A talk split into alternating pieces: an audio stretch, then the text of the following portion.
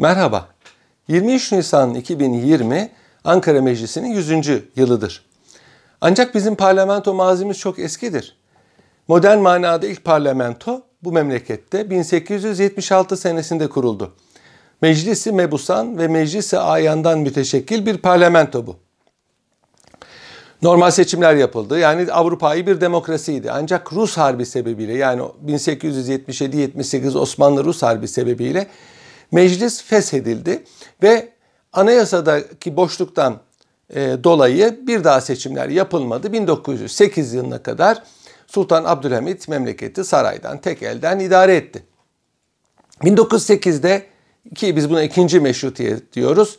Yeniden seçimler yapıldı ve meclis tekrar toplandı.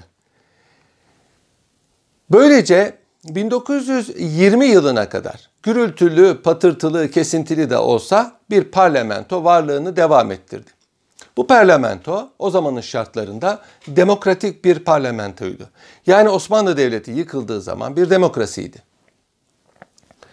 1918 bu coğrafya için bir felaket senesidir.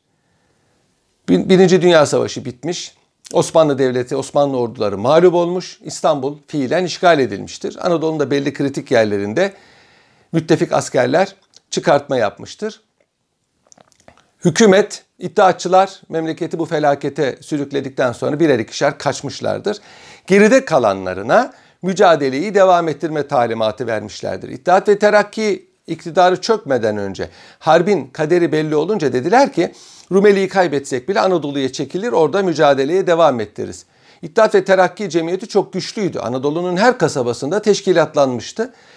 Talat Paşa giderken talimat verdi. Mücadeleyi devam ettirin. 1918'de İttihatçı Rüyasası kaçtıktan sonra İttihat ve Terakki e, fırkası kendini feshetti ve Teceddüt Fırkası adıyla yeni bir fırka kuruldu. Bunun karanlık işlerini yürütmek için de Karakol Cemiyeti adıyla bir cemiyet kuruldu. İşte Kara Kemaller, Kara Vasıflar, Vasıf Beyler, Arif Beyler bütün bunu organize edenler onlar oldu. Karakol Cemiyeti'nin bir maksadı vardı. O da şuydu. İttihat ve Terakki'den kalanları, memlekette kalanları halkın intikamından korumak. Halk niye intikam alsın? E, e, Müslümanları cepheye sürdü. Olmadık bir harp için. Ermenileri tehcir etti, öldürdü. Rumları tehcir etti, öldürdü. Arapları isyan ettirdi. Bu intikamdan korumak. İkincisi İstanbul işgal altında o işgal altına düşerse e, Anadolu'da mukavemeti devam ettirip iktidarı tekrar ele almak. Karakol Cemiyeti'nin faaliyeti buydu. Şey, misyonu buydu. Arkasından İstanbul'daki İttihat ve Terakki Rüyasası'nı Anadolu'ya geçirdi ve İstanbul'da çeşitli yerlerde muhafaza edilmekte olan mühimmatı, silah ve mühimmatı yine kendi teşkilatıyla Anadolu'ya geçirdi. Tabi dediğim gibi mazisi olan bir teşkilat bu. Teşkilatı mahsusadan gelen bir anane. O sebeple bunu çok kolayca yürüttü. Peki bu cem, cemiyetin reisi kim? Bu cemiyetin reisi kim?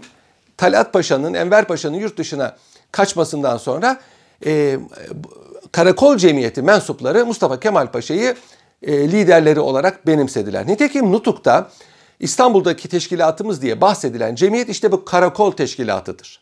Karakol Teşkilatı daha sonra Ankara ile ters düşmüştür. Bolşeviklerle olan münasebetler sebebiyle ve feshedilmiştir. Ama o zamana kadar Anadolu'daki hareketi teşkilatlandıran Karakol Cemiyeti olmuştur. Hatta Mustafa Kemal Paşa'nın Anadolu'ya gönderilmesinde en mühim amirlerden bir tanesi de Karakol Cemiyeti olmuştur. Tam bu sırada Mustafa Kemal Paşa İstanbul'da bir e, yeni vazife, Suriye cephesi çökmüş, İstanbul'a gelmiş. Yeni bir vazife elde etmek için uğraşıyor. Bu arada siyasi bazı temaslarda ve teşebbüslerde bulunuyor ama bunlardan bir netice çıkmıyor. En nihayet Anadolu'da, Karadeniz bölgesinde e, bazı çetelerin Rum halka eziyet ettiği e, haberi İstanbul'a geliyor. İstanbul hükümeti te- telaşlanıyor çünkü bu hadise sulh anlaşmasını bizim elimizi zayıflatacaktır düşmanları, müttefikleri tahrik edecek Anadolu'nun daha fazla yerinin işgaline sebebiyet verecek. Çünkü sulh anlaşması yapılacak. Sulh anlaşmasında e, müsait bir zemin hasıl etmek istiyor İstanbul hükümeti. Bunu yerinde teş- e, tetkik etmek için yüksek rütbeli bir subayın gönderilmesi lazım. Kimdir bu? Bu da Mustafa Kemal Paşa'dır. Bundan başka kimse yok. Çünkü hem iddiatçı mazisi var ama Enver Paşa ile ters düştüğü için ve ordudaki popülaritesi sebebiyle müttefiklerin de kabul edebileceği bir isimdir. Ve böylece Mustafa Kemal Paşa Anadolu'ya e, müfettiş olarak gönderilmiştir. Ordu kumandanı yani. Yüksek, e, geniş bir salahiyetle teçhiz edilerek gönderilmiştir. Vazifesi nedir? Vazifesi bazılarının söylediği gibi işte e, Anadolu'da hareketi örgütlesin, padişah gizlice talimat vermiş, git ordu kur, vatanı kurtar. Böyle bir şey yok. Böyle bir şey e, sonradan e, ortaya çıkarılmış bir iddia. Ne Kemalistler ne onun karşısındaki olan grup doğruyu söylüyor. Doğru cevap şu. Anadolu'da e, kaynaşma var, kargaşa var, e, gayrimüslimlere, ekalliyetlere eziyet ediliyor. Çünkü mağlubiyetin sebebi onlardan biliniyor. İkincisi Anadolu'da e, işgali kabul etmeyen mukavemet hareketleri var. Bu mukavemet hareketleri eski iddiaçılar tarafından yürütülüyor. İstanbul hükümeti Mustafa Kemal Paşa Anadolu'ya gönderiyor ki hem bu hadiseleri önlesin hem bu mukavemet hareketini tek elde toplasın. İddiaçıların tekrar iktidarı ele almasına mani olsun. Çünkü paşa iddiaçı değil. Bu sebeple Mustafa Kemal Paşa Anadolu'ya gönderilmiştir. Ama ondan sonra tabii işler İstanbul'un istediği gibi gitmemiş. Mustafa Kemal Paşa Anadolu'daki müsait vaziyeti görünce Sivas'ta bir alternatif hükümet kurmuştur. Heyeti temsili diyoruz biz buna Bakanlar Kurulu. Bu alternatif hükümet seçimlerin yapılmasına karar vermiştir. Aslında Sivas Kongresi'deki heyeti temsiliye ki Başkan Mustafa Kemal Paşa'dır. Yeniden seçim yapılmasını istemiyor. İstanbul'daki meclisi Sultan Vahidettin feshetmişti 1918'de. Sebebi bu, bu meclisin mensuplarının tamamı iddiaçıydı. İddiaçılar düştükten sonra iddiaçı bir meclisin vazife yapması zaten beklenemez. Müttefikler zaten bunu kabul etmezler. Yeniden seçim yapılacak. Sivas Kongresi'nde bu karar çıktı. Ve Mustafa Kemal Paşa'nın istememesine rağmen Mustafa Kemal Paşa e, zamanı ve zemini e, nazara alarak bu seçimlere razı oldu. Seçimler yapıldı. 140 milletvekili İstanbul'da toplandı. Üçte biri gitmedi. Bu e, seçimler tamamen heyeti temsiliyenin kontrolünde yapıldı. Seçilen namzetlerin ikisi hariç tamamı Ankara'nın istediği namzetlerdi. Mustafa Kemal Paşa da bu meclise milletvekili olarak seçilmişti ancak e, tehlikeli gördüğü için İstanbul'a gitmemiş, Ankara'da kalmayı tercih etmişti. O seçimlerin e, yapılması, yapılsa bile Ankara'da meclisin toplama, toplanmasını istiyordu. Neden? Birincisi kendisi İstanbul'a gidemeyecekti. Meclisin kendi kontrolünde olmasını istiyordu. Ankara merkezde demir yolunun geçtiği bir yerdi. Bu sebeple Ankara'da olmasını istiyordu. Fakat bu o, maksadını gerçekleştiremedi. Ama İstanbul Meclisi mebusanına sokan bütün namzetler Ankara taraftarlarıydı. Ocak'ta toplandı. 1920 Ocağı'nda Meclisi Mebusan toplandı. 3 ay sonra dağıtıldı. Nasıl oldu bu? Misak-ı Milli'yi kabul etti. Misak-ı Milli e, muhtemel müstakbel barış anlaşmasında e, Türkiye'nin kırmızı çizgilerini gösteren bir memorandumdur, bir e, e, beyannamedir. Bu be yani şu şu şunları kabul ederiz, şunları şunları kabul etmeyiz. İngilizler bu tahrik etti. İngilizler bunun üzerine meclisi basıp dağıttılar. Daha doğrusu meclisi bastılar. Milletvekillerinin bir kısmını tevkif ettiler. Meclis kendini feshetti, dağıttı. Rauf Bey hatıralarında diyor ki biz bunu Mustafa Kemal Paşa ile kararlaştırdık. Bu danışıklı bir dövüştü. Bizim maksadımız meclisin Ankara'da toplanmasıydı. Fakat insanların bunu kabul etmesi için bu oyuna ihtiyaç vardı. İşte bakın gördünüz mü İstanbul'da meclis toplamak mümkün değil. Böylece meclisi biz hususi olarak dağıttırdık. Yani kendini bir nevi Rauf Bey kurban etmiştir ve Malta'ya sürgün edilmiştir. İstanbul Meclisi'nden kaçanlar Ankara'ya geldiler. 23 Nisan 1920'de yani e, İstanbul Meclisi'nin dağıtılmasından bir ay sonra Ankara'da meclis toplandı. Bu meclisin azaları Anadolu'nun dört bir tarafından 66 sancak var o zaman şimdiki vilayetleri düşünün. Gelen kişilerdi. 140 e, 115 e, kişiyle toplandı ama zaman içinde bu 300 430'ları e, buldu bu namzet sayısı bu milletvekili sayısı. Batum'dan mesela gelenler var. Halbuki Batum 1921'de kaybedildi. Ruslara verildi ama milletvekilleri devam ettiler.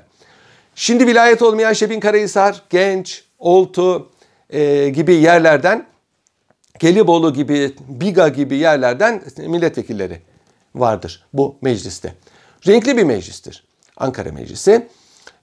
Yüzde kırkı memur, yüzde kırkı serbest meslek erbabı, yüzde onu sarıklı, şeyhler var içinde, aşiret ağaları var. Yüzde altmışı yüksek tahsilli, yüzde kırkı ecnebi dil, özür dilerim yüzde kırktan fazlası yüksek tahsil, yüzde altmış kadarı ikinci bir yabancı dil biliyor. Yani entelektüel bir meclis. E, hepsinin ama prototipi iddiaçı olmasıdır. Çünkü bu e, milletvekiller halk tarafından seçilmemiştir. Sancaklarda müdafaa hukuk cemiyetleri var. Bunlar aslında İttihat ve Terakki teşkilatıdır. Mahalli taşra teşkilatıdır. Vilayet meclisi azaları, belediye meclisi azaları bunların hepsi iddiatçılardır. Bunların seçtikleri namzetler. Evet gelenlerin hepsi iddiatçı değil ama hepsi iddia, bir kısmı iddiatçı, diğeri iddiatçı sempatizanı. Yani 1920 meclisinde e, milletvekillerinin tamamına yakın iddiatçı zihniyetinde kişilerdi. Demokratik bir meclis deniyor ama mesela memleket nüfusunun hatırı sayılır bir kısmını teşkil ettiği halde mecliste tek bir tane gayrimüslim milletvekili yoktur. Bu da millet, bu meclisin demokratlığına gölge düşüren bir hadisedir. Milletvekillerinin bir kısmı İstanbul Meclisi azalarıdır, bir kısmı seçilenlerdir. Mecliste e, Osmanlı Meclisi'nin devamı gibi hareket edilmiştir. Öyle ki mesela anam vergisi kanunu Osmanlı Millet Meclisi Mebusan'da görüşülürken yarım kalmıştı. Burada devam edildi. Mustafa Kemal Paşa bir konuşma yaptı ve bu konuşmasında padişahı övdü ve meclisin e, misyonunun padişahın esaretten kurtula, kurtularak kurtarılarak e, saltanatının hükümranisinin e, tekrar ona kazandırılmasıydı. Böyle saygılı bir konuşma vardı. Ancak meclis bir yandan e, kendisini Osmanlı Meclisi'nin devamı olarak lanse etse de meşruluk olarak ve padişaha saygı gösterse de İstanbul hükümetlerinin kararlarını kabul etmiyordu. Ve tek e, merci olarak kendisini görüyordu. Böylece Anadolu'da iki hükümet var. Biri İstanbul ve çevresindeki İstanbul hükümeti, diğeri Ankara etrafındaki Ankara hükümeti. Zamanla Ankara hükümeti Anadolu'nun büyük bir kısmında hakimiyeti ele almıştır. Memur tayin ediyor, vergi topluyor, asker topluyor, ila ahir. Ali Şükrü Bey Trabzon mebusu ki sonradan Topal Osman, muhafız Topal Osman tarafından öldürülecektir ki bu ilk meclisteki siyasi cinayetlerden bir tanesidir. Ateşli bir muhaliftir. Meclis kürsüsünden çıkıp bu bir darbe meclisidir diyebilmiştir. Hasan Basri Çantay sonradan yazdığı mealle tanınan Sarıklı milletvekili artık halifenin e, halifeliğini tanımadığını meclis kürsüsünden rahatça söyleyebilmiştir. Yani 23 Nisan 1920 meclisi aslında bir e, si- siyasi darbe gerçekleştirmiştir ve Osmanlı Devleti fiilen 23 Nisan 1920'de ortadan kalkmıştır. Çünkü Anadolu'nun pek çok kısmında hükümranilik artık Ankara Meclisi'nin elindedir. Ankara Meclisi güç, güçlü bir meclistir. Meclis hükümeti sistemi var burada. Meclis hükümeti sistemi bugün İsviçre'de tatbik edilen sistem. Şimdi bir parlamenter rejim var. Bir başkanlık sistemi var. Bir de meclis hükümeti sistemi var.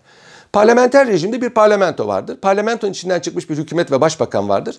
Tarafsız ve sembolik bir devlet başkanı vardır. İsterse kral olsun. Başkanlık sisteminde halkın seçtiği bir başkan vardır. Bütün salahiyetler, yürütme salahiyetleri onun elindedir. Bir de onun karşısında onun hiç müdahale edemediği bir meclis vardır. Yasama salahiyeti onun elinde o da halk tarafından seçilir. Meclis hükümeti sisteminde ne cumhurbaşkanı vardır, ne başbakan, ne kral vardır. Sadece bir meclis vardır. Halkın seçtiği çok güçlüdür e, bu meclis kendi içine bir heyet seçer. Bu heyet icra, yürütme işini yürütür ve e, bu heyetin başı da devletin başı başbakan ve meclisin başkanı olarak görülür. Bu kişi Mustafa Kemal Paşa'ydı.